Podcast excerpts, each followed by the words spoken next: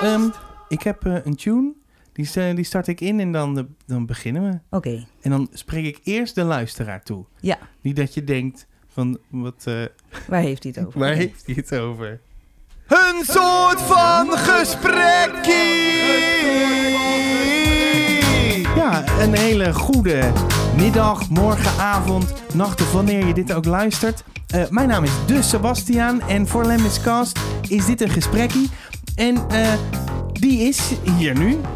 En eh Annette, hallo Annette. Hallo. Eh, ik vroeg me af, hoe stel jij jezelf voor? Hoe stel ik mezelf voor? Annette Huizing. Punt. Moet ik... Ja. Nou, dat, dat weet ik niet. Nee, dat kan. Als er dan iemand komt en van, nou, mijn naam is Annette Huizing. Ja. En dan vraag ik, wat bent u dan? Eh, ja, dan zou je natuurlijk zeggen, denken dat ik zou zeggen, ik ben schrijfster. Maar vind ik wel een groot woord hoor. Dus ik-. Zo voel ik me niet echt. Ik schrijf, ik schrijf inderdaad boeken.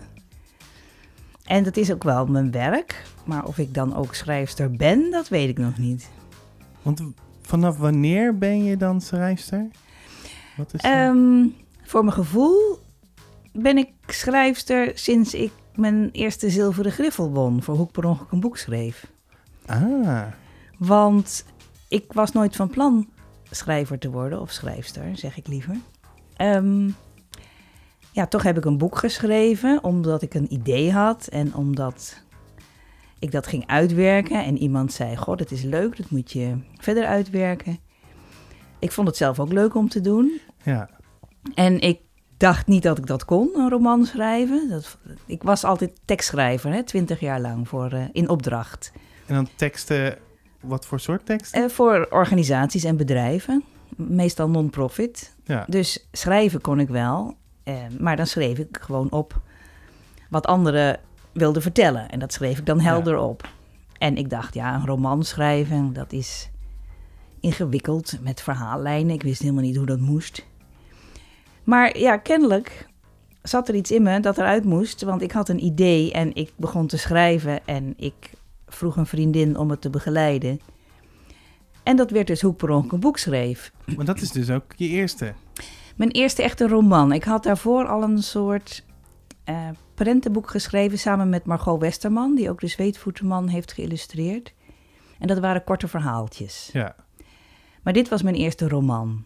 En ehm, toen, toen het manuscript af was, toen heb ik het opgestuurd naar Lemnis Kaat. En toen dacht ik, nou, dat wordt vast niet uitgegeven. Ik dacht, ze vinden het denk ik wel goed geschreven, want nou ja, dat kon ik wel schrijven. Maar ik dacht, ik dacht ja, de, de, de kinderen moeten heftige verhalen hebben, stevige verhalen. En eh, ik dacht, dit verhaal is te klein, dat, daar zit de markt niet op te wachten. Maar tot mijn verrassing ehm, eh, waren ze er heel enthousiast over en werd het Ja. uitgegeven. En toen ik het jaar daarna een zilveren griffel kreeg voor dat boek, toen dacht ik, nou, kennelijk kan ik iets wat mensen mooi vinden. En toen dacht ik, ja, laat ik dan maar schrijfster worden. En dat ben je dan nu. Ja, dat ben ik, dat doe ik dan Dus nu, ja. Mijn naam is Annette Huizing, schrijfster. Ja, ja, nou ja, misschien moet ik dat maar eens Ja. gewoon hardop zeggen. Ja. Eh, ja, want eh, ik heb eh, bij hoe ik per ongeluk een boek schreef moeten huilen. Per ongeluk. Per ongeluk. Ja. Oh, welke scène? Dat helemaal op het einde. Maar misschien kan ik daar zo meteen nog wel over hebben. Want was het, want dat, wat ik eh, zo tof vind aan dit boek is dat het... Het is ook een soort handboek of zo. En ik had het ook helemaal niet aanzien komen dat het dan ook nog... Ah ja, ga ik het, ga ik dat het het zo ook nog nog over... een, een verhaal is. Nou, dat het me nog zo zou raken op het allerlaatste moment. Hmm. En dat, je, dat er zo helder iets wordt beschreven wat voor mij op dat moment eh, heel waardevol bleek te zijn. En Nou. dat, eh, dat vond ik, heel, dat vond ik eh, heel mooi. En daar hou ik ook heel erg van Ik ben benieuwd. in boeken. En volgens mij heb je het er zelfs ook nog over. Of tenminste heeft Lidwien het er nog over tegen Katinka. Van hoe je, zeg maar, personen en hoe... Nou ja, komt zo meteen. Ik ben heel benieuwd, ja. Ja. Ik kan, Ehm, ik kan jou ook gaan ondervragen natuurlijk. Mag altijd. Mag altijd. Dit is wat ik nu lees. Ehm, wat administratie. Lees je een boek op het moment? Ehm, ik lees heel veel boeken voor volwassenen op dit moment. Ja. Want ik ben ook bezig met een. Ik weet eigenlijk niet of ik dat al moet vertellen. Dat, dat zou- kan jij me misschien aanraden. Moet ik al vertellen waar ik nu mee bezig ben? Nou, ik, eh, ja, ik, ik zit nu helemaal... om- Oh, ik wil het zo graag weten. Ik weet niet of je het mag vertellen. Ja, dan moet ik aan Lemnis Kaat vragen. Dat ben jij. Oh jee. Was er, eh, de- maar ik ben niet in mijn eentje heel lemniskaat. Oh, Nee. ik weet iets. Vertel het gewoon. En dan vraag ik later, mag dat erin? En anders knip ik het eruit. Ja, en dan hoor je precies. nu meteen een, andere, een ander gesprek. Oké. Ik ben bezig met een boek voor 14 plus, 15 plus over schrijven. En dat wordt dan een non-fictieboek. En ehm, dat eh, is een boek met allerlei stukjes over schrijven. Stukjes over schrijftechnieken. eh, stukjes over eh, plot en personages. Stukjes over het schrijfproces. En eh, ik haal ook veel fragmenten uit eh, andere romans om, om iets te laten zien van hoe kun je bijvoorbeeld zintuigelijk schrijven. Ja. Dus ik lees heel veel romans omdat ik daar inspiratie uit opdoe voor mijn eigen schrijfboek. Want jij haalt wel echt inspiratie uit andere boeken. Uit andere romans, ja. Ja. Ja, heel veel, ja. En op die manier leer je ook weer trucjes? Of hoe zeg je nou, dat? trucjes niet, maar je leert, ehm, je ziet wat er allemaal mogelijk is. Dan denk je, oh, kan het ook zo? Ik ben een ontzettende fan van Maarten het Hart. En eh, ik vind dat die man zoveel humor in zijn boeken stopt. En dan zit ik echt te kijken, maar hoe doet hij dat nou? Waarom, waarom maakt hij me telkens aan het lachen? Dat ik echt hardop zit te lachen in mijn eentje. En dat is leuk om dat dan te gaan bestuderen. Van wat doet hij dan in deze scène of in dit stukje of in deze zin? En eh, dus zo, ik lees eigenlijk boeken eh, met een schrijversoog. Ja. En vaak lees ik ze ook twee keer. Eén keer voor het verhaal. Ja, ik, ik wilde net vragen, want als je zeg maar zo analytisch leest, eh, komt dan toch het verhaal naar je toe, zeg maar? Of komt het dan nog aan? Ja, toch wel hoor. Ehm, eh, ik, ik vind zelf dat je dan ook wel dubbel kan genieten. Want je geniet dan van het verhaal. Maar tegelijkertijd denk ik van, oh, wat is dit goed gedaan? Of wat een treffend woord op die plek. Van, eh, dus, dus daar geniet ik dan ook van. Dat ik zie wat de schrijver Ah, ja, eh, heeft ja. gedaan. En dat ik daar dan bewondering voor heb. Ehm, andersom is het dan ook zo dat ik niet erg geniet als ik me erger aan dat ik denk, eh, wat slecht geformuleerd of wat een woordherhaling of zo. Daar, dat valt me dan ook op en dat is heel irritant, Ja, want eh, dan haak ik heel snel af. En dat is jammer, want dan is het Ja. misschien best een goed boek, maar dan staan er een paar zinnen in waardoor ik denk, huh? Ja, en dan ga je overal aan ergeren. ja, dat is, heel, dat is heel- helemaal niet leuk. Ik hoop dat ik die, die schrijf, strenge schrijversbril ook wel weer eens een keertje af kan zetten. Ah. maar, en, maar schrijf je dan ook, zeg maar, eh, de auteur dan ook af? Dat je denkt van, nou, die auteur hoef ik dan ook niet meer te lezen. Nee, oh nee, nee, het is nee. echt puur dan... Ja, soms denk ik ook van, dan, dan ka- kan ook aan de redacteur liggen. Ik bedoel, Oh, als er geen ja. redacteur was geweest bij mijn boeken, ja. dan eh, stonden, stonden er ook nog wel wat rare dingen in. Ah, Dus, gewoon eh, een goede redacteur is eh key. ja, nou vind Ja. ik wel, ja, ja. Wie, was, eh, wie was je redacteur bij eh, Hoe ik per ongeluk een boek schreef? En bij het Pungelhuis en Zweetvoet? Nou, bij Lemniskaat was Marleen, Marleen Louter, de redacteur, die werkte niet meer. Nee. Maar ik heb, toen ik het schreef, dat had ik al verteld, had ik ook eh, iemand die me eh, coachte of begeleidde. Ja. Dus ik had eigenlijk van tevoren al, of tijdens het hele schrijfproces al een redacteur. Dat is fijn. En ja, dat is, ehm, dat is onmisbaar, zou ik zel- zelf zeggen, voor mij. Ja, Bij de zweetvoetenman was Mathieu, dat is mijn ehm, man, vriend. Die is jurist. Dus- handig. Eh, ja, dat had ik natuurlijk wel nodig, want ik ben zelf Ja. geen jurist. Zweetvoeterman gaat over het recht. Die heeft eh, alles meegelezen en ehm, die heb ik, ook, ik heb ook met hem eindeloos gepraat, eindeloos. eh, hij heeft me ook geleerd hoe ik vonnissen van rechtbanken moest lezen, want dat kon ik helemaal niet. Dus hij heeft alles meegelezen. En bij het Pungelhuis heeft Mathieu ook meegelezen. En die vond dat geweldig leuk. En ehm, hij is ook, bleek dus, heel goed in ehm, me helpen bij zo'n roman. Terwijl hij zelf helemaal geen lezer is. Ja. Dus dat is ook wel grappig.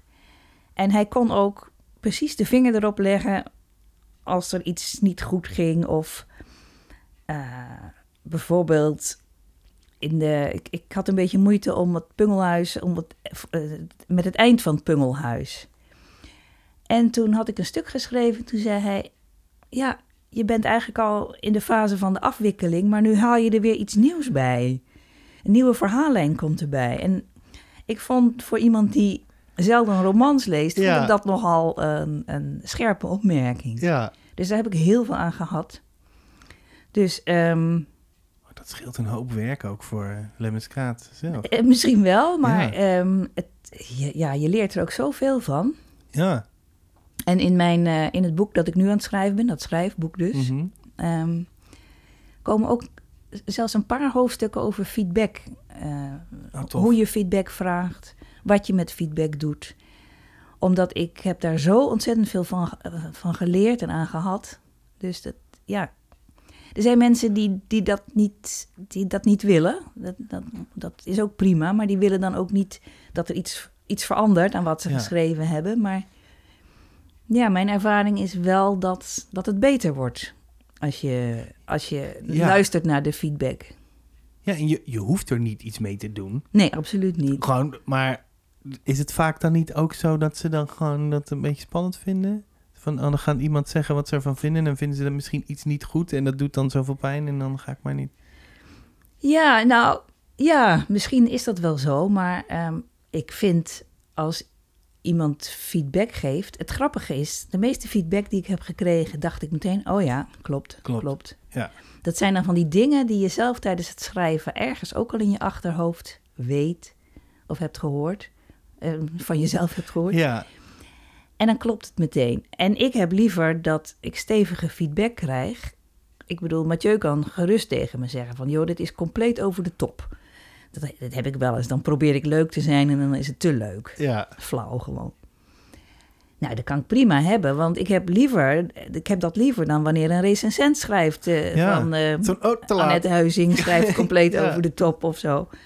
Dus eh, nee, ik ben dan heel blij. En ik, ik kan er ook goed Ja, tegen. Ja, Het is niet leuk, maar ik kan er wel goed tegen. was het, eh, om even een bruggetje te maken naar eh, hoe je misschien vroeger al begon met schrijven, ja of nee. Kon je vroeger ook al als kind goed tegen feedback? Ehm, ja, ik, ik schreef niet als kind. Oké. Nee. Vanaf wanneer kwam dat schrijven dan in je leven? Ehm, ja, ik werkte. Ehm, ik werkte bij, als, als onderzoeker bij TNO, sociaal-wetenschappelijk onderzoeker, wat ik vreselijk vond. Was ik helemaal niet geschikt voor. En, ehm, maar er moesten af en toe dingen geschreven worden. Eh, Ja. onderzoeksvoorstellen, onderzoeksverslagen, noem maar op, rapporten. En dat vond ik leuk. En ehm, mijn baas zei toen ook van dat ik een vlotte pen had. En eh, ja, toen ontdekte ik eigenlijk dat ik dat schrijven het leukst vond. En toen ben ik zo langzamerhand via nog weer een ander baantje. Ik werd er trouwens ook uitgebonjourd bij TNO, want Niet geschikt. niet ges- ik vond het ook vreselijk. Dus het was heel Ja. goed. En toen ben ik op een gegeven moment voor mezelf begonnen als tekstschrijver. En ja, dat ging eigenlijk, liep, met, liep eigenlijk meteen als een trein. Oh, wauw. En ik vond het sowieso heerlijk om eigen baas te zijn. Ik wist niet dat dat zo fijn was. Ja. Dus ik was ook voorgoed ver, verpest voor de arbeidsmarkt. maar ik vond dat schrijven leuk en ik was er goed in om iets heel helder op te schrijven. Ehm, misschien komt dat door mijn, eh, door mijn opleiding of door mijn. Ik, ik heb een eh, beta-achtergrond.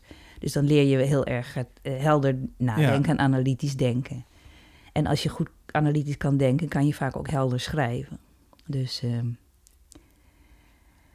eh, oh ja, je had het over feedback, hè? De, oh, ja.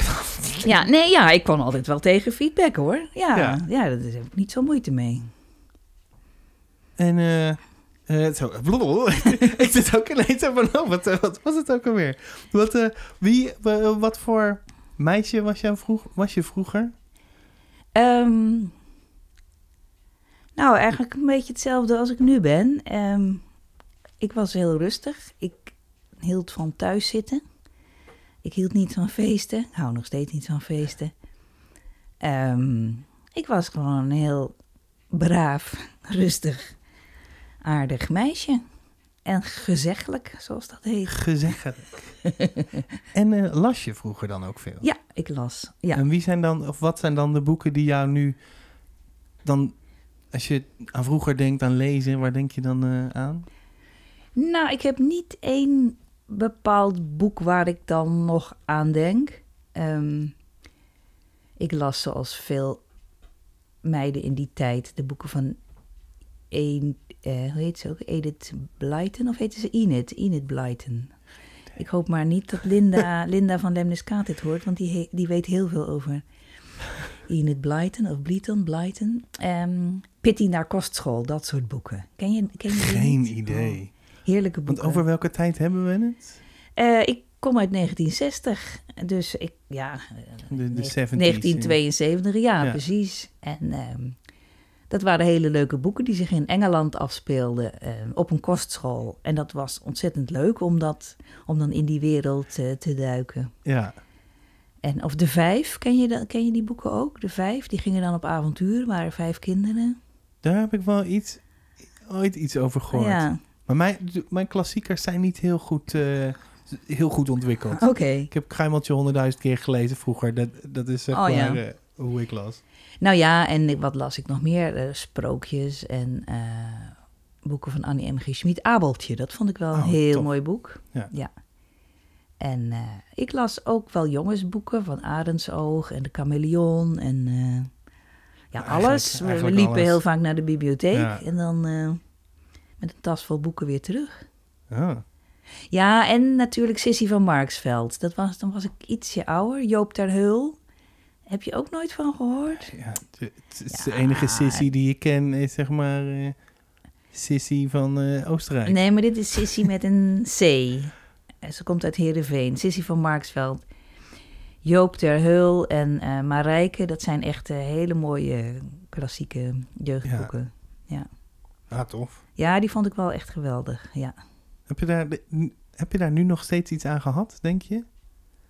Of stop je iets van dat in je boeken? Mm, Dat weet Nee, dat, dat denk ik niet. Nee. Nee. Geloof Ja, ik niet. Ik heb geen idee.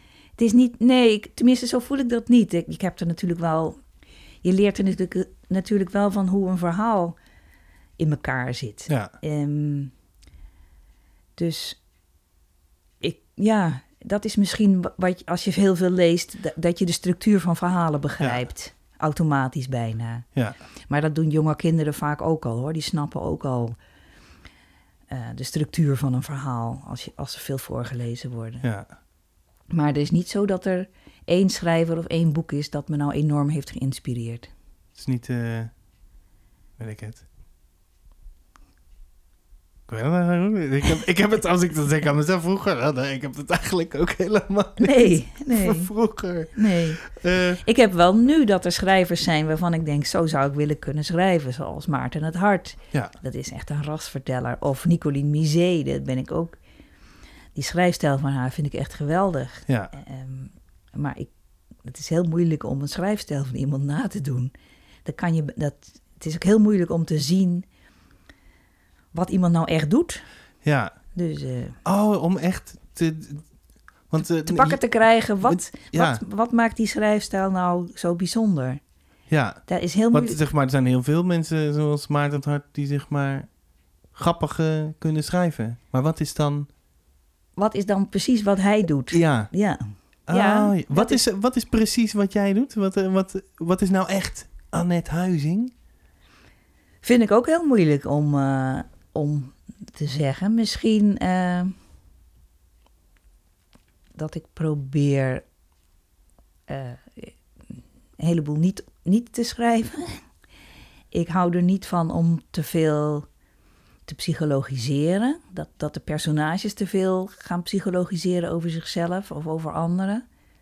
Dus ik vind het gewoon leuk om op te schrijven wat er gebeurt, wat de mensen Ja. zeggen, wat ze doen. En om de verklaring en de psychologie over te laten aan de lezer. Oké. Dus eh, ja, misschien een beetje, ja, ik noem het, eh, ja, hoe zeg je dat? Kaal schrijven. Ja. Ik hou ook niet van filosofische Ja. verhandelingen in boeken. En, en dat, eh, dus ik, ik vind het gewoon leuk, dat doet Maarten het Hart dus ook. Die beschrijft gewoon wat, wat er gebeurt.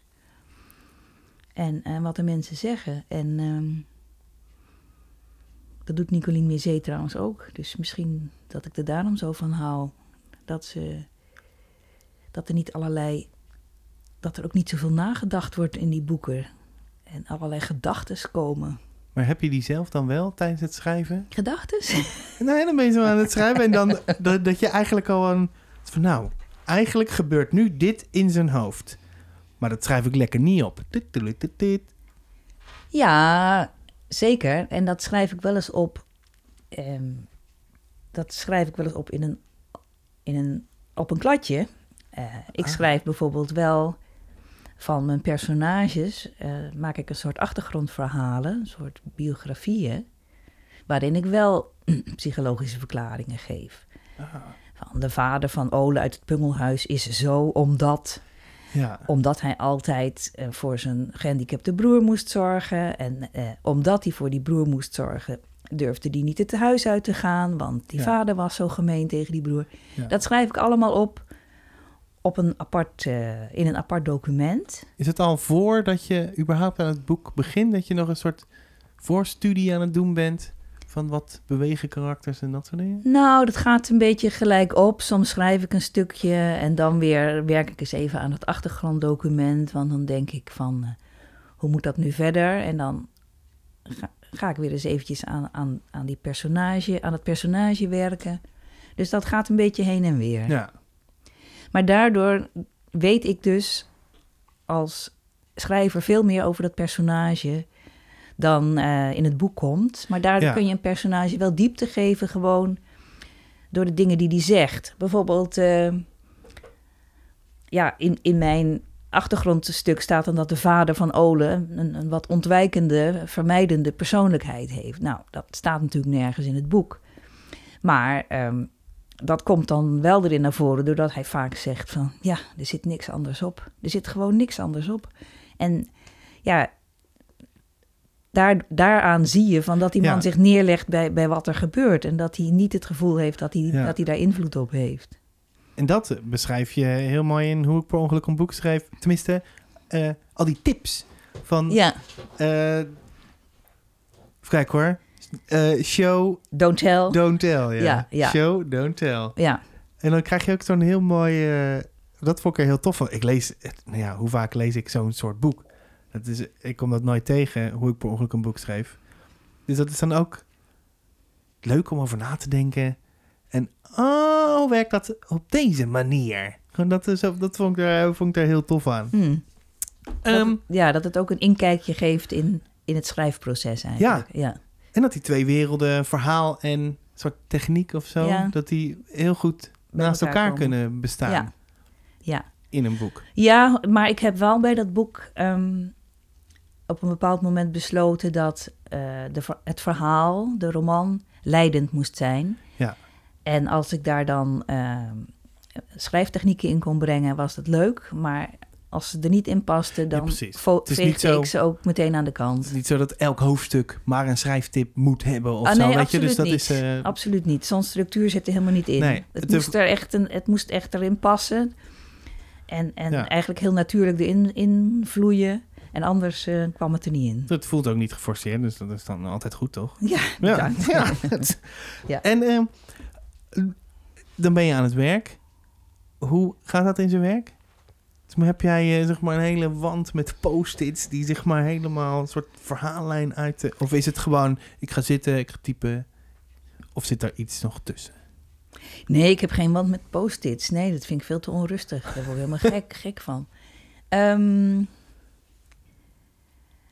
hoe gaat dat? Bij het Pungelhuis bijvoorbeeld zit ik even te denken hoe dat ging. Want je hebt eh, bij alle drie de boeken een soort andere hoek dan. Ehm, nou, bij, zowel bij... Kijk, De Zweetvoetenman is natuurlijk non-fictie, dus dat is een ander verhaal. Ja. Had ik wel een schema. Ehm nou, dat kunnen we zo wel op. Maar bij die romans... Ik had... Bij alle twee de romans waren de hoofdpersonages er het eerst. En ehm, die groeien langzaam in mijn hoofd. En ehm, dat is een. Ik ga dat nog lang niet schrijven. Het, het, het, het cirkelt wat rond in mijn hoofd. Er komt steeds meer bij. Er komt een verhaal bij. En eh, ik ga eigenlijk pas schrijven als dat zich wat meer heeft uitgekristalliseerd. Ja.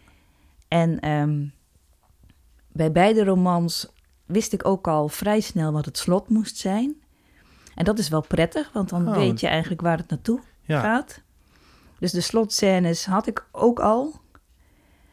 En dan op een gegeven moment ga ik een beetje schrijven om eens te kijken of dat personage op papier tot leven komt. En dan ga ik ook eens een beetje wat schetsen van ehm, wat er zo al kan gebeuren. Eh, een beetje, dan zet ik wat trefwoorden op papier. Maar dat gaat heel organisch hoor. Ik, heb, ik werk totaal. Ik bedoel, ik ben van mezelf ongelooflijk gestructureerd. Maar dat schrijven, dat gaat heel organisch. Ehm, soms begin ik ook te schrijven zomaar ergens middenin een scène die me dan het meest helder voor de geest staat. En als ik dan denk van, nou, nu loopt het wat vast, dan ga ik weer eens terug naar de tekentafel, zoals Ja. ik dat noem. Dan ga ik misschien eens een schema maken. En dan ga ik misschien eens in een schrijfboek lezen. Dan maak ik een personagebiografie, noem maar op.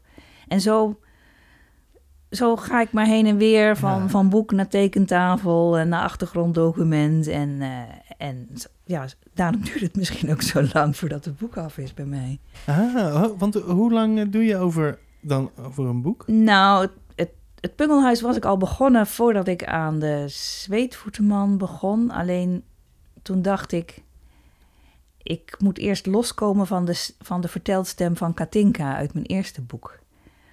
Laat ik niet meteen weer een roman schrijven. Toen dacht ik, dan ga ik eerst even een ander boek schrijven.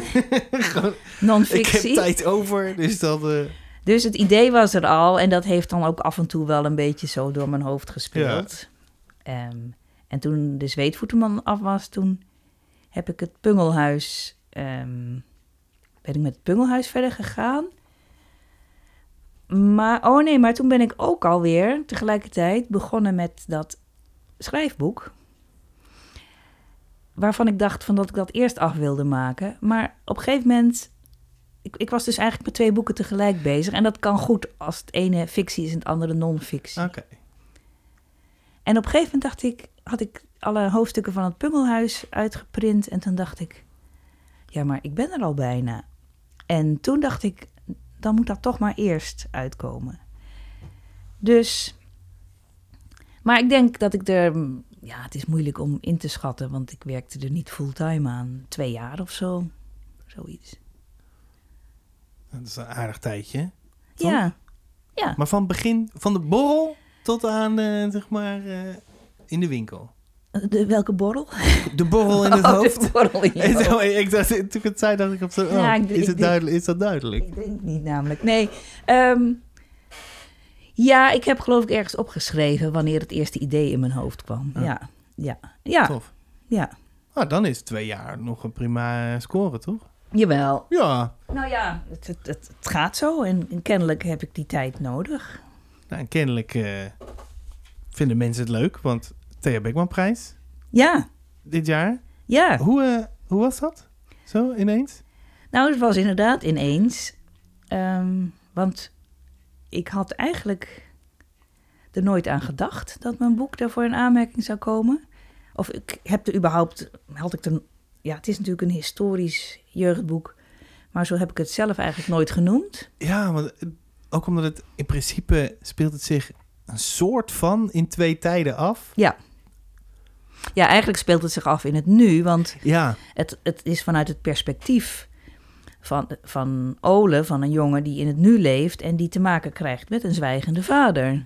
ja, Dus, ehm, maar goed, ook dat is denk ik wel, kan ook, dat kan je ook een historische roman noem- noemen, omdat het juist laat zien hoe de historie doorwerkt in het nu. Ja.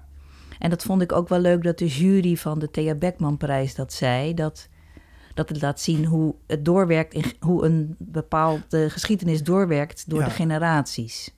En ook tof voor mensen zoals ik bijvoorbeeld.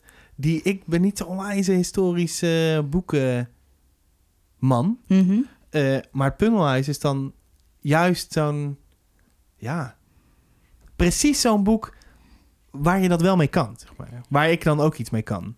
Ja, omdat het misschien omdat mijn doel niet was om eh, die historie te laten zien, maar te laten zien wat er in een familie gebeurt als een verleden verzwegen wordt. Oh. Dus dat was mijn insteek. oh, dat is wel echt een andere insteek dan... eh, dan eh, van oké, ik wil laten zien hoe de smokkelaars zeg maar eraan toe gingen. Nee, nee, het had ook een ander, on- ander onderwerp kunnen Oh, want zijn. wanneer, vanaf wanneer wat, werd dat dan het onderwerp?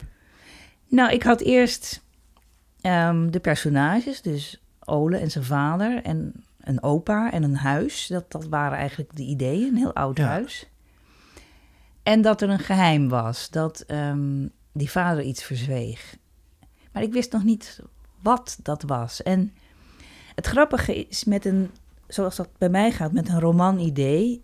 Je hebt een, een globaal idee in je hoofd, een personage.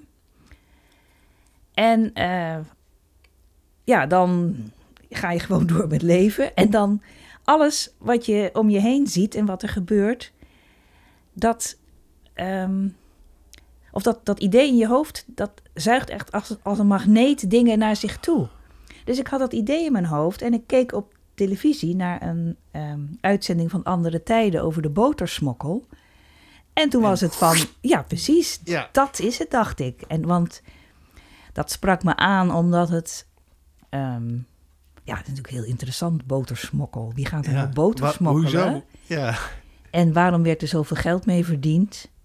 En waarom werd dat zo'n criminele, ja, ja. een hele criminele organisatie? En wat ook grappig was, dat de mensen die je hoort praten over de botersmokkel, die vertellen dat allemaal heel glunderend. Wat een prachtige tijd dat was en romantisch en eh, kat, en muisspel hè, tussen Ja. de douane en de mm, smokkelaars. Terwijl als je erover ging lezen, dan was je ook Super gruwelijk en bruut. En Nou, maffia. nou ja, het, het werd op een gegeven moment echt wel een maffia. Ehm, Ja. En eh, er gebeurden ongelukken, er vielen doden. Ja. En er waren ruzies tussen families en, en conflicten binnen families. En de mannen zaten soms in de gevangenis en dan eh, was er geen inkomen. Dus kan me niet voorstellen dat, dat het allemaal zo leuk was. ja. Dus dat, dat was wel grappig eraan. Ik dacht, dat kan ik wel gebruiken. Een soort toevalligheid. eh, Ja, dat dan, wat dan in het boek komt. Dat groeit langzaam eigenlijk, dat idee. Zo- Zo'n zo'n boekidee. wat, wat voor onderwerp had je tof gevonden als de botersmokkel niet gebeurd zou zijn? Wat is dan zo'n onderwerp waarvan je denkt van, nou, dat had ik ook leuk gevonden? Een soort van achteraf. Ehm. Oeh, dat weet ik eigenlijk niet. Het moet natuurlijk gewoon toevallig zich aandienen. Ja, dat Ja. is het. Ja, Ja. ja. Je, je gaat toch... Het grappige is dat je, als je... Laat ik mezelf dan toch maar even schrijfster noemen. Als je schrijver bent, Mhm. schrijfster bent... Je gaat toch met een bepaald oog ehm, eh, naar je omgeving kijken. Kijk, ik zie bijvoorbeeld hier bij jou allemaal gitaren en een ukulele, denk ik Ja? aan de muur Klopt. hangen. En eh, dat kan zomaar eh, in een boek als decor of als detail dan aan de orde komen. Of, je, of dat ik nog een personage moet verzinnen. En dat ik dat baseer op, op jou, zeg maar, met wat wijzigingen. Ik bedoel, een heleboel personages in mijn, boek- mijn boeken zijn wel gebaseerd op mensen die ik ken. eh, of een combinatie van mensen die Ah, ik oké. ken. Ah, want soms hoor je ook wel eens dat mensen er heel erg van weg willen blijven of zo. Dat ze dat liever niet op zichzelf of wat ze zelf kennen willen betrekken of zo. Schrijvers die dat... eh, ja. Ja, maar weet je, je moet het toch doen met, met, Wat je weet, of zo. met alles wat je in je leven verzameld hebt. Ja. Ehm, kijk bijvoorbeeld Lidwien uit Hoek per een boek schreef. Dat is ook een soort, daar zit ook iets van mezelf in. Ja. Bijvoorbeeld die strengheid of zo. Nou, die, die herken ik wel bij mezelf. Eh, maar ook wel iets van iemand die ik een keer op televisie heb gezien. Eh, dus ja, volgens mij haal je altijd je ingrediënten uit. Waar, waar, waar haal je ze anders vandaan? Uit, uit wat je zelf allemaal hebt ervaren Ja. en meegemaakt. Als Zo. je fantasy schrijft, wordt het weer een ander verhaal natuurlijk. Ja, maar dan begin je volgens mij... Ja, ik weet niet. Ik- Ik, ik heb er geen verstand van, van fantasy. De, dat is, eh, en iedereen doet het ook weer anders. Dus dat Ja. is ook... Maar ik kan me ook wel wat voor je voorstellen dat je dan ook de werkelijkheid gebruikt en dat die vervormd raakt. Ja. Dat bijvoorbeeld die gitaren die daar eh, aan de wand hangen opeens tot leven komen en Ja. zelf gaan spelen of zo.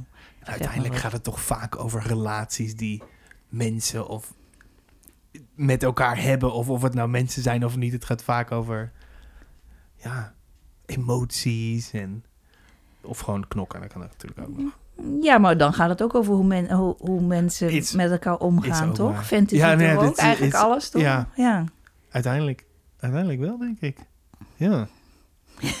hmm. Eh, research vervolgens, hè? Mhm. Dan heb je bijvoorbeeld bij de Zweetvoederman... Daar zit eh, behoorlijk wat research in, denk ik. Heel veel. Ik wou net wat anders. eh, wordt het wel heel ingewikkeld. Heel veel. Het is echt een boek. Jesse, dus de, de uitgever, die vroeg mij. toen werkte ik nog niet voor Lemmiskaat. Van. ehm, ja, je kan altijd eh, vragen. Als je een boek wil, dan kan je altijd vragen. En toen dacht ik ineens. Oh, ik wil de Zweetvoeterman nog heel graag een keertje, een keertje hebben. Het lijkt me zo leuk. Dus ehm, het, is, eh, het is een imposante unit. En een zilveren griffel. En heel veel feitjes. Maar dan op, heel grappig, eh, op een hele grappige manier. eh. Waar komt dit idee vandaan? Nou, ik zou trouwens niet feitjes noemen, want ik, ik, ik vind zelf, het zijn verhalen. Ehm, Oeps. nou, nee, niks oeps. Het, het zijn verhalen en door die verhalen te lezen, tenminste, zo zie ik het, misschien zie jij het als Mhm. feiten. Door die verhalen te lezen, snap je hopelijk als lezer hoe het recht eh, werkt. En natuurlijk staan er ook, staat er ook wat uitleg in en wat feiten. Maar ehm, misschien dat daarom kinderen, jonge kinderen het ook leuk vinden. Omdat het telkens wel spannende verhalen zijn. Er is iets gebeurd, iemand wordt opgepakt. En wat gaat de rechter zeggen? En als de rechter dan iets heeft gezegd en iemand gaat een hoger beroep, wat, Wat wat, wordt dan dan? de uitkomst? Ja. En als ze naar de Hoge Raad gaan, wat gaat die zeggen? Dus daar zit een soort spanning in die kinderen volgens mij wel leuk vinden. Ja.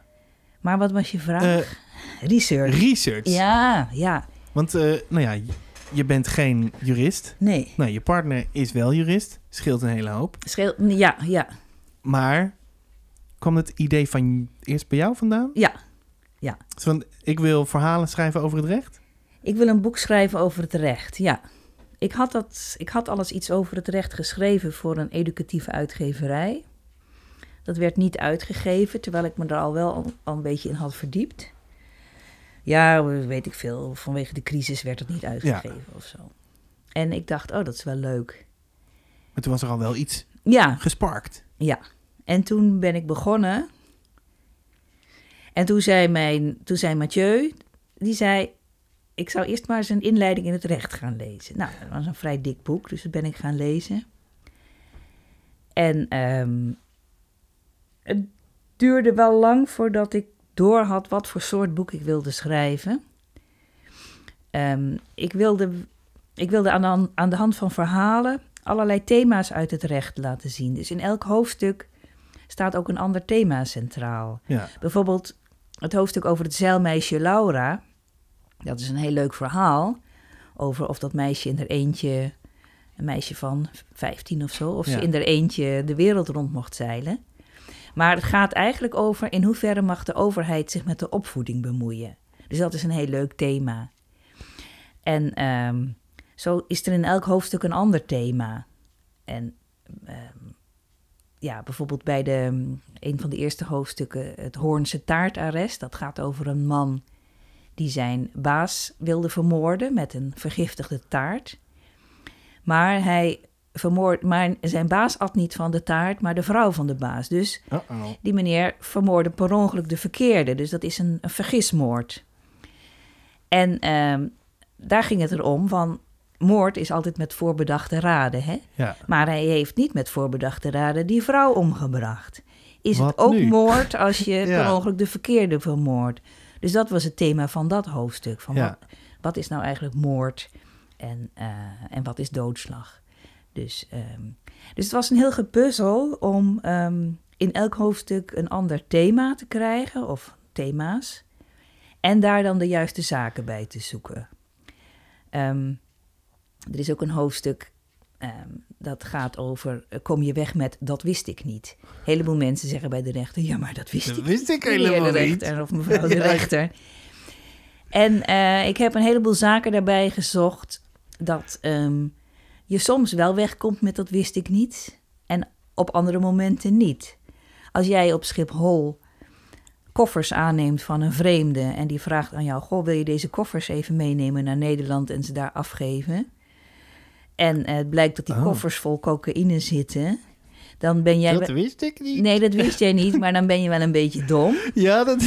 zegt dan de rechter. En nou ja, dat verhaal staat erin. Maar er staat ook een soortgelijk verhaal in... waarin iemand het echt niet kon weten. Dus Ja. nou ja, het was een heel gezoek om dan eh, bij die thema's de juiste zaken te vinden. En dan moest ik natuurlijk, als ik die zaken had gevonden... eh, en het ging soms ook andersom. Dan dacht ik, goh, wat een leuke rechtszaak is dit. Wat voor thema zit er eigenlijk Oh, tof. in? Ja. Ehm, bijvoorbeeld, eh, kijken, ja, nou ja, het, ehm, er was een leuke rechtszaak van een man die de koning had uitgescholden. En die fuck de koning had gezegd. Nou, dat gaat dan over vrijheid van meningsuitingen, of daar grenzen aan zitten. En ehm, ja, en wat ik ook, wat ik, dat was een heftige zaak van Robert M., die kindermisbruiker. Maar daar heb ik de insteek gekozen van, eh, ja, waarom verdedigt een advocaat zo iemand? Dus dat was Ja. dan daarbij het thema. Dus ehm, ja, dus of, of ik had een thema en daar zocht ik, zocht ik rechtszaken bij, of ik had een rechtszaak en dan dacht ik, wat is het thema en wat kan ik daar nog meer mee? Ja, en dan moest ik die vonnissen lezen. En dat- ik dacht, dat kan ik gewoon niet. Want wat is daar... Want uiteindelijk zou je denken, ja, dat zijn tekst. Dus eh, gewoon lezen en dan kom je vanzelf... Wat is daar dan ingewikkeld aan? nou, dus er waren ook vonnissen uit, uit bijvoorbeeld 1910 of zo. Oh. ja. En dan had je zinnen van een hele pagina met allemaal bijzinnen en hele moeilijke woorden die ik gewoon helemaal niet begreep. En eh, ja, ik wist helemaal niet hoe ik dat moest lezen. En dat Ja. heeft Mathieu me dus verteld. En dan ging ik ook met een markeerstift de hoofdzin markeren. Want dan stonden er wel, wel tien bijzinnen in. En, eh, en hele ouderwetse woorden. Maar toen ik het eenmaal door had, toen, toen vond ik het echt heel erg leuk. Om, Ja. om- heel spannend ook om, om die vonnissen te, te ontcijferen. En wat was er dan zo spannend aan? Van, oh, wat gaat er gebeuren? Dat idee? Of, eh, Ja, en ook hoe ze dat proberen onder woorden te brengen. Ehm, er is zo'n zaak over het Azewijnse paard. Dat is de laatste zaak. Over een man die. ehm, het, het was verboden om paarden uit te voeren uit Nederland. En, maar er was een Duitse man. Die had een paard gekocht in Nederland. Maar dat mocht dus niet uitgevoerd worden. Maar hij ging bij de grens staan. En hij heeft zijn knecht een touw om de nek van het paard laten leggen. En dat touw over een kanaaltje of een sloot gegooid. En hij heeft dat paard naar Duitsland getrokken. Dus hij heeft het, het is niet uitgevoerd, maar hij heeft het ingevoerd. en daar dacht hij mee weg te komen. ja. En dat is eh, tot aan de Hoge Raad eh, is dat uitgevochten. En de rechtbank en het gerechtshof en de Hoge Raad, die hadden, alle drie wilden ze gewoon die man bestraffen. En alle drie hadden ze daar andere formuleringen voor.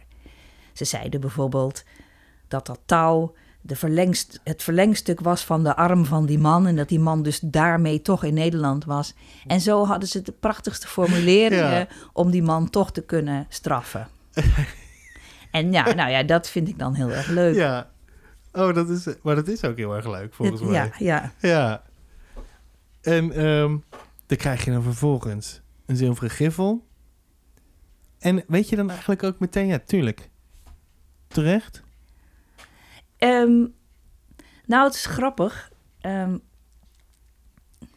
ik vond het eigenlijk wel terecht. maar, en kijk, bij mijn, eer, bij mijn eerste boek had ik helemaal niet verwacht dat ik een prijs zou winnen. Maar Ja. hierbij dacht ik, ja, ik wil toch echt wel, ik wil hier toch echt wel een zilveren griffel Ja. voor. Dus ik vond het helemaal niet, ik vond het veel te spannend. Omdat ik dacht, ik zou het niet terecht vinden als... Maar ja, er zijn zoveel goede boeken hoor, Ja, dus dat had best precies. gekund. Maar, maar eh, ja, nee, ik vond het eigenlijk wel terecht. Ja. Wauw, wauw. ik dacht van, nou, nu ga, nu, eh, ga ik eens even... Oh, natuurlijk, dat is wel terecht. en ehm, het staat ook propvol met eh, toffe illustraties. Ja, hoe, geweldig. hoe is dat eh, proces? Margot was mijn overbuurvrouw. Oh, lekker dichtbij. Nou, het was heel, heel fijn. En we hadden natuurlijk al samen mijn eerste ehm, prentenboek gemaakt. Het Bomen, Bloemen, Beesten, Buitenboek. En ik vind, ik wilde illustraties eh, eh, die het een beetje lucht zouden geven. Want het is natuurlijk een heel zwaar onderwerp. En ja, een beetje cartooneske illustraties. Ja. En ja, dat kan zij als geen ander. En niet te lievige illustraties, een beetje stevige. Omdat ik dacht, ik, ik wil echt dat het een boek wordt dat jongens leuk vinden om te lezen. Dus niet, niet te lievig, niet te meisjesachtige illustraties. Ja. Dus ehm, ja, zo. eh, nou ja, en dat is, dat is perfect gegaan. Gewoon hoppakee. Ja, ja. Soms zijn verhalen ook helemaal niet zo heel lang. Overbuurvrouw. ja, En eh ja, dat is het dan. ja. Ja. Eh, ik hoorde gisteren, kreeg ik in de groepsapp, kreeg ik Robin, die zei van, even kijken over dit boek. Hoe ik per ongeluk een boek schreef. Die zei, het is door, eh, er komt een Hongaarse verfilming. Ja. Hoe, eh, weet, je daar, weet jij daar meer over? Ja, ja, ja. Het boek is dus eh, vertaald, onder meer in het Hongaars en ook nog in tien andere talen. Ook in het Taiwanees trouwens, dat is heel komisch. In, in Taiwan lezen ze de boeken van achter naar voren, wist je dat? Eh, Ja, ongetwijfeld dat het aan die Dan, kant... dan eh, heb je dus zeg maar, dan heb je dus de achter, denk je dat je de achterkant hebt, maar dat is dan de voorkant. ja, Maar goed, het is dus ook in het Hongaars vertaald. En ehm, ik kreeg een, op een dag een mail van een Hongaarse filmregisseuse, Nora Lakos. En die schreef dat ze echt helemaal onder de indruk was van het boek. Dat het haar geraakt had. En dat ze het wilde verfilmen en wat ik daarvan vond. Nou ja, dat vond ik geweldig natuurlijk. ja, Hoewel je ook je altijd moet realiseren dat ehm, als iemand het wil verfilmen, dan is het niet meer. Het, is, het wordt niet mijn film, het wordt haar Ja. film. Hè? Zij legt daar dingen van zichzelf in. Ehm, maar ik vond het hartstikke leuk. Maar, en ik heb haar niet veel later ook gesproken via Skype, geloof ik. En ik had echt het idee dat zij snapte waar het boek over ging ja. Dat ze er geen commerciële film van zou maken, er geen eng sausje overheen zou gooien of een commercieel sausje. Dat ze het echt met, eh, nou, dat, dat het echt klopte wat, wat ze Ja. ervan wilde maken.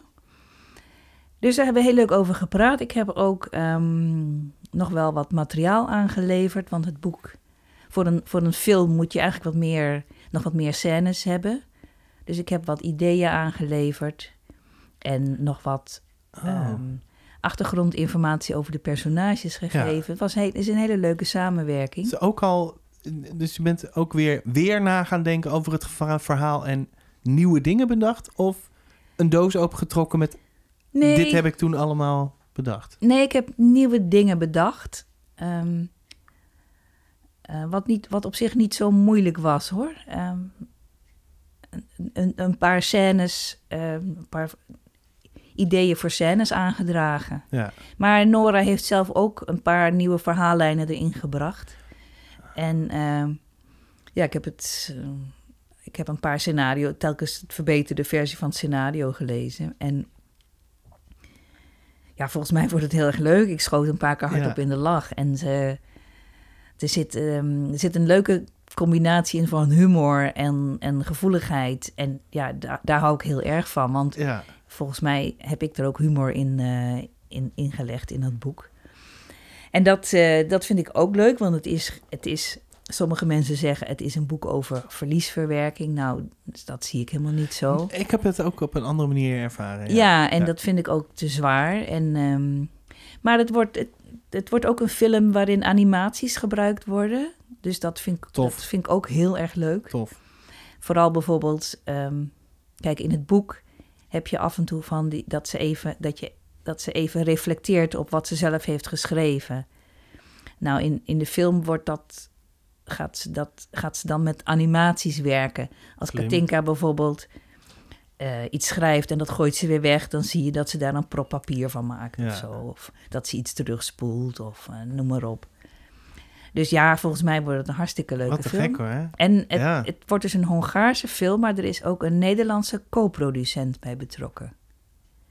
En wat, wat, wat gaat die dan doen? De producent, ja, die produceert de, de film. Dus er zijn een. Oh, het is, een... eh, oh, zo. dus er, er is een Hongaarse producent en een Nederlandse producent. En, ehm, en zij heeft bij de ontwikkeling van het scenario, heeft zij... ehm, je hebt Cinekit, dat is een Nederlandse on- Ja. filmclub voor jeugdfilms. Die hebben ook een Cinekit Lab. Daar kunnen mensen uit Europa naartoe om eh, te werken aan hun scenario en daar begeleiding bij te krijgen. En dat heeft zij ook gedaan. Ze hebben daar ook ehm, een prijs ge- voor gekregen voor het beste scenario binnen, binnen die eh, club. Zodat ze weer geld hadden om het verder te ontwikkelen. En er was ook een bekende Nederlandse filmmaakster, Mieke de Jong, die erbij, die weer erbij betrokken is geweest. Dus ja, het, het, eh, ik, ik heb daar ontzettend veel vertrouwen in dat Ja. het een leuke film wordt. En dan straks Nederlands of Engels ondertiteld. En dan kan je er ook van genieten. Ja, ik weet eigenlijk niet. Ik hoop, ik hoop toch niet dat het eh, nagesynchroniseerd wordt, want dat vind ik verschrikkelijk. dat het, het- heel, ik vind die stemmen zo onecht altijd. Ja, dus ik hoop het gewoon is heel met, gek is dat, ja. met ondertiteling, hoop ik. En eh, Ben je dan ook... eh, be- ja, ik zou niet weten. be- het- eh, iets bij casting of zo? Of op een andere manier nog bij betrokken als ze op een gegeven moment echt gaan beginnen? ehm, Dat je een beetje een oogje in het cel nou, kan houden? volgens zo? mij, is dat, volgens mij moet ik dat niet doen. Is dat, is dat niet leuk? Het is... Kijk, Het is ehm, nu out of your hands. Nou ja, kijk, ik heb een bepaald beeld bij de hoofdpersonen. En ehm, ook hoe ze eruit zien. Hoewel, ik dat, hoewel dat niet beschreven staat Ja. in het boek, nauwelijks. En als zij dan iemand uitkiezen die er anders uitziet. Ja, en dan ga, en zeg ik van ja, maar zo, zag, zo ziet Katinka er niet uit. Volgens mij is Ja. dat niet goed. Want ehm, zij moet haar gang kunnen gaan. Ja, precies. het ja. wordt toch een andere film. Ja, Er gebeuren ook wat andere dingen. Alleen de sfeer is denk ik eh, hetzelfde. Dus ehm, ja, nee, volgens mij moet ik me daar niet mee bemoeien. En ik denk ook, dat je ziet het wel vaker bij de films. Natuurlijk wordt dan de oorspronkelijke auteur genoemd. Maar die krijgt helemaal niet zoveel credits. Het is de film van Nora ja. en eh, dat moet ook zo gebaseerd op jouw verhaal. Gebaseerd op mijn boek, ja. Ja. ja. Eh, hoe ik per ongeluk een, een broek... Een, boek- een broek... een boek schrijven staat vol schrijftips. Wat is nou, als jij de mensen nu een tip zou moeten geven... de tip voor als je begint met schrijven? Ehm, dan zou ik zeggen, je moet niet meteen een boek willen schrijven. Dat zegt Lidwin op een gegeven moment tegen Ja. Katinka. Je moet niet meteen een boek willen schrijven. Dat is net zoiets als de marathon lopen zonder dat je getraind hebt. Zo, Ja. Zoiets zegt ze. Ehm, ga eerst maar, ze zegt geloof ik, ga eerst maar eens een dagboek schrijven. En dan zegt Katinka, ja, maar dat doe ik al lang. Ja, maar een dagboek wat anderen kunnen lezen. Dus stukjes over wat je meemaakt Ja, over je dagelijks leven. En ehm, Nou, dat klinkt dan saai, vindt Katinka, maar goed, Lidwien zou het wel weten. En ze gaat dan stukjes schrijven over het dagelijks leven. En dat is al, dat is al moeilijk genoeg om heel goed te omschrijven wat je meemaakt, ehm, wat je ziet, wat je hoort, wat je voelt.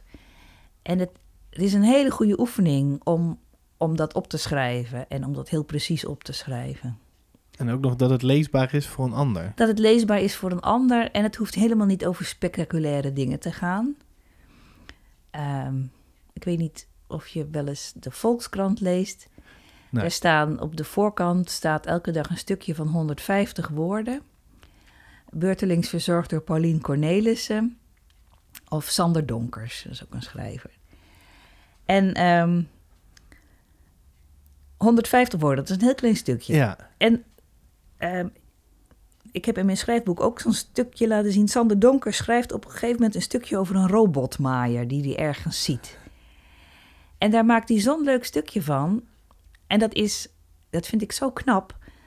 Want ehm, schrijf maar eens een stukje over een robotmaaier. Wat spannend en leuk ja. en, enzovoort is.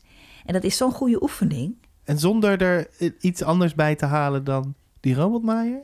Nou ja, Ehm, ja hij, hij, hij Er komen geen kabouters ineens. Nee, nee, nee, nee, precies. Ja, Dus eh, de kunst is volgens mij om. ehm, als je wilt leren schrijven, om te oefenen met van allerlei dingen op te schrijven. die je, die je meemaakt, zonder te wachten op, op eh, een of ander spectaculair moment. En het aardige is dat je een heleboel van die stukjes. Kijk, als je een boek schrijft, schrijf je ook stukjes. Ja. Je schrijft een dialoog. Nou, dat- dat- daar kan je alvast mee oefenen door bijvoorbeeld als jij een raar gesprek hebt met iemand, door te proberen daar een goede dialoog van te schrijven. En daar mag je natuurlijk dan best dingen bij fantaseren of Ja. uitvergroten. Ehm, of als je beschrijft hoe je ergens fietst, dat kan ook in, in een boek komen, dat je een omgeving beschrijft. Dus door ehm, een heleboel kleine stukjes te schrijven, oefen je eigenlijk alvast met een boek schrijven. Ja. Maar een heleboel mensen die beginnen met een boek schrijven, die, die lopen helemaal vast. Oh. Omdat het ontzettend moeilijk Het is gewoon, ja, het is hartstikke moeilijk om een boek te Het schrijven. is echt super moeilijk. Ik heb ooit, ooit zou ik het, ik weet dat er ergens in mij zit iets, maar één, ik heb geen geduld. Tenminste, waar ik heel erg van hou is, eh, ja, bijvoorbeeld een gitaar, je doet dit, wop, en je hebt meteen instant een geluid. Ja. En daar kan je heel snel iets mee bouwen. Dat is met woorden, vooral een boek, heel anders. Ja. Omdat het zo ontzettend, ontzettend lang duurt. En heel moeilijk, omdat ik het he- ook heel moeilijk vind om... Een idee hebben is niet zo heel moeilijk, maar echt dat uitschrijven en dat interessant maken en niet te veel randzaken er maar bij te halen om maar te vullen, zeg maar. Nee, het is heel moeilijk om precies, heel precies in woorden uit te drukken Ja. wat je wilt vertellen. Dat is denk ik het moeilijkste. Je moet sowieso iets te vertellen hebben. Ja. Want als je nog helemaal geen idee hebt, dan moet je ook geen boek schrijven. Gewoon lekker laten rusten. Maar als je zelf denkt van er zit ergens een heel goed idee in mij. eh, ja, dan kan je natuurlijk proberen op te schrijven. Maar je kan ook eerst proberen stukjes van dat idee Ja, te schrijven. Ehm, Volgens mij doe ik echt zo'n eh, zo'n 101 eh, verkeerde rookie mistake. Om je wil gelijk wil je een lab tekst maken. ja, Maar dat, eh, dat werkt voor hem niet Nee. natuurlijk.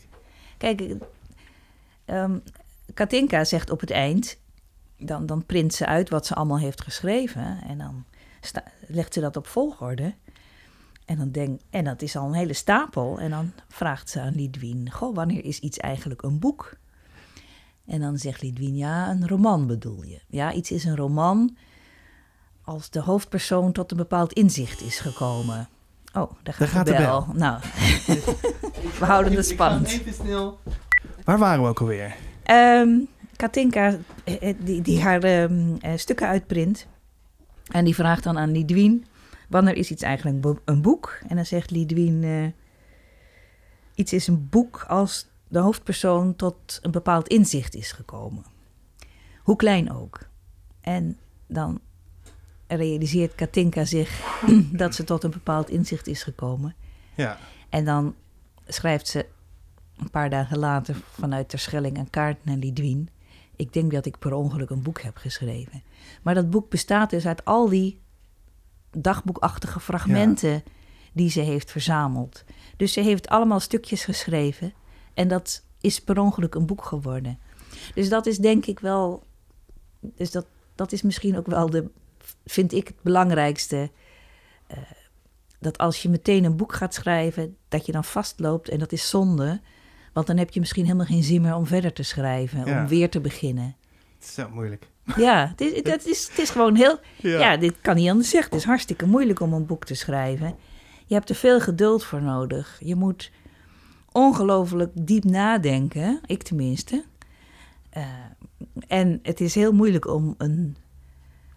Kijk, sommige boeken lezen alsof de schrijver ze zo uit zijn mouw heeft geschud. Ja, Maar je wil niet weten wat er allemaal voor werk Ja. achter zit. En, en voor voorwerk en achtergrondwerk. En,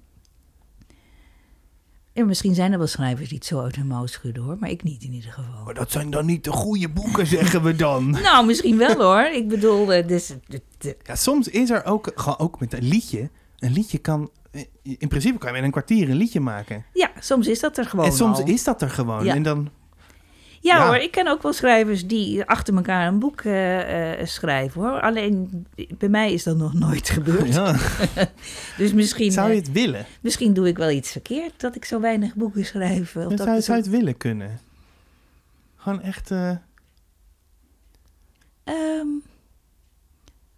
schrijven en schrijven en maar doorgaan. Toet, toet, toet, en het ene idee naar het andere idee Eh, dient zich aan. En, Nou, dat is wel lekker, ja. Maar, ehm, maar ik vraag me af of dat, of dat kan. Want kijk, als je in een soort flow zit, dan dat is heel lekker. Maar je schakelt dan ook even je kritisch vermogen uit. Of je, kritisch, je beoordelingsvermogen. Oh, ja, ja, ja, ja. En dat is op dat moment lekker. Maar het, is net zoiets als als je... Soms heb je s'avonds... eh eh, Het beste idee ooit. ja, en, en als je dan 's ochtends kijkt, dan denk je... Hè, maar er klopt niks van. Of het is heel onlogisch. Of het is net zoiets Gisteren eh, was het toch zo goed? gist- gisteren Hmm. leek het fantastisch, ja. Ja. En eh, dus... En, en, en als je in zo'n flow zit, dan lijkt, ja, dan, dan lijkt alles logisch ook. En, en dat hoeft... Maar ja... Nou ja, nu loop ik een beetje vast, geloof ik. Ja, en dat kan ook gebeuren, Ja. toch? Ja. Bij, precies bij die, ehm, die, wat je net vertelde, die realisatie van Katinka, daar ging ik op stuk. Zeg maar, eh, de- daar moest ik, eh, de- Wat? Waar? daar Wat? moest ik, eh, daar moest ik Welk ontzettend om huilen. Zeg maar, helemaal op het einde, zegt ze op de enige, ene pagina zegt ze, omdat ik haar mis. Gewoon, ik mis haar. Mhm. Toen moest ik. eh, het, oh, ik Ehm, het gekke is, mijn moeder is niet dood. Mhm. Dus het, het, het heeft voor mij een hele andere, een heel, hele andere betekenis. Mhm. En dat vond ik er zo geniaal aan. Is dat het me dan wel raakt, omdat het een. Ja, ik zit op dit moment eh, zo, zo, zo ingewikkeld. Ja, nou ja, dan komt vroeger komt dan en dan moet je ingewikkeld doen en dan, nou ja, gebeuren dat soort dingen. Je bedoelt dat het een soort universeel gevoel is of zo? Of? Nou, dat weet nou, ik. vind, Of- het, ik vind het niet universeel, omdat het heel specifiek, heel specifiek op, in ieder geval op mij van toepassing is. Mhm. En eh, nou, niet op die van mijn vriendin bijvoorbeeld. Nee. Eh, en vervolgens zegt ze, eh, en dat is precies super helder wat ik moet bereiken Mhm. op dit moment Mhm. tussen de relatie van tussen mijn moeder en ik. Eh, ze hoeft me niet op te voeden. Ik ben immers 37. Ja. Eh, ze hoeft me niet te leren. Mhm. Ik ben immers 37. Niet dat je dan niet iets te leren valt van je moeder. Eh, en vervolgens... Mijn moeder hoeft er alleen maar te zijn en ze is er, ze is er voor mij. Zeg maar. En Mhm. dat... ehm, nou ja, dat is precies waar ik op dit moment dan mee worstel. Zeg maar, hoe, hoe krijg ik dat voor elkaar? Mhm. En dat is, dan lees je dit en dan staat er precies heel helder. Oh, maar dit, dit want zeg maar, vorige week wist ik dat nog niet. Of tenminste zo van, oh, dat het zo helder kon zijn. En dan lees je dit en dan shit, ja, dit is precies. Dit is precies wat ik wil. Maar ergens voelt het heel logisch. een heel... eh, voor de hand liggend of zo. En toch was het precies goed of zo. Terwijl het... Ja. Ja, ik weet niet, man. Nee, maar vind ik wel interessant, want ik dacht... Een heleboel mensen vinden die scène, dat ze dat filmpje ziet van die moeder, vinden, vinden een heleboel mensen ontroerend. Dat ze dat filmpje gaat kijken waarop ze haar Ja, overleden moeder ziet. Ehm, maar niemand heeft ooit nog deze scène genoemd. Eh, al, en dat vind ik wel leuk dat je dat zegt, omdat ik ehm, achteraf wel eens denk, had ik dat stuk had ik ook weg kunnen laten. Nee, nee, nee. want het is een, voor, voor mij is het he- blijkbaar heel waardevol gebleken. Dat het precies zegt, precies woorden, ge- precies woorden geeft aan iets waar ik op dit moment op zoek naar was of zo. Ja, En Het, het, ja nou dat is, dat is wel grappig. Want ik, ik zou misschien, als ik het boek weer zou schrijven... omdat ik je in het begin al zei dat ik zo min mogelijk wil verklaren... en, en meer wil laten zien... zou ik het misschien dan wel uit hebben gelaten. Maar het mag natuurlijk wel. Het, het is, som, sommige stuk, soms is het ook wel goed om iets wel te benoemen. Ehm, ja, want het is, een soort, het is een soort conclusie.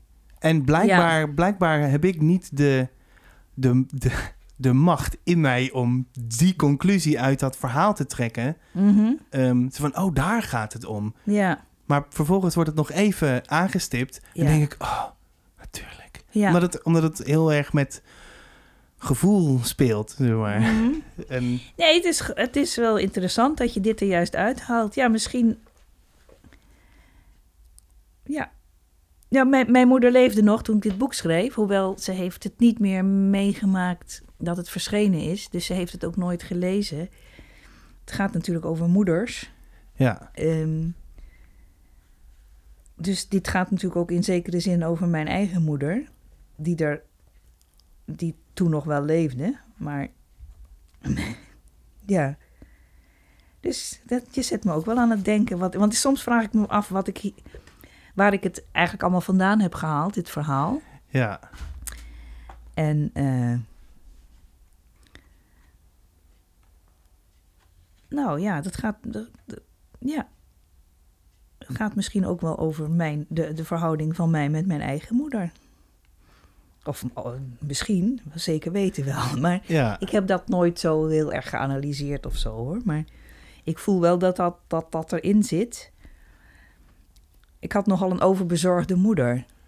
Dus ik, ik dacht soms ook wel eens van... Ik ben benieuwd wat ze erin had gelezen als ze nog wel geleefd had toen het Oh, uitkwam. ja. En ik weet niet eens of ik het wel zo. Of, of ze. Ik weet niet eens wat ze er. Ik weet niet wat ze ervan zou hebben gevonden. Of ze, het, of ze er iets, iets in gelezen zou Ja. hebben van. Zodat ze het naar zichzelf zou trekken. Ja, ja. Geen idee. Het zijn altijd leuke filosofische... Fi- Ja, psychoanalytische. ja. ja. Maar dat stoppen we er niet in. Nee, dat stoppen we er niet in. Nee. Ehm, dit klinkt als een eindmuziekje. Hmm. Want volgens mij... Volgens mij voelt het voor mij als een eh, rond verhaal. Denk ik. Ja, W- Wil je nog iets kwijt? ehm, nee, ik geloof het niet. Ik, vind het, ik vond het leuk om over mijn boeken te vertellen. En ik vond het leuk om er naar te luisteren. Nou, dankjewel. En nu hoop ik dat eh, de luisteraar ook heeft genoten. En eh, ja, dan ga ik een afsluitend praatje houden. Eh, stel, je wil hoe ik per ongeluk een boek schreef bijvoorbeeld gaan lezen. Dat kan, want er is een heruitgave. Eh, die is, eh, nee, als je dit luistert, is hij in de winkel. Eh, tijdens dit gesprek is hij nog niet in de winkel, maar volgens mij vrijdag, Oh, mooi. hoorde ik. Eh, met een nieuw omslag. Ik vind het een mooi omslag. We zijn allemaal blij, allemaal tevreden. Ik vind het een mooi boek. De Zweetvoetenman ligt ook in de winkel. Het Pungelhuis ook. Nou, weet je, ga gewoon lekker aan het lezen en dan eh, komt het helemaal goed. Dan zeg ik tot de volgende keer. Geef sterren waar je sterren kan geven, al dat soort dingen meer. En laat me even weten hoe je het hebt gevonden. En wie je misschien nog een keer wil horen in deze podcast. En dan zeg ik, nou, doei! Een soort van gesprekkie!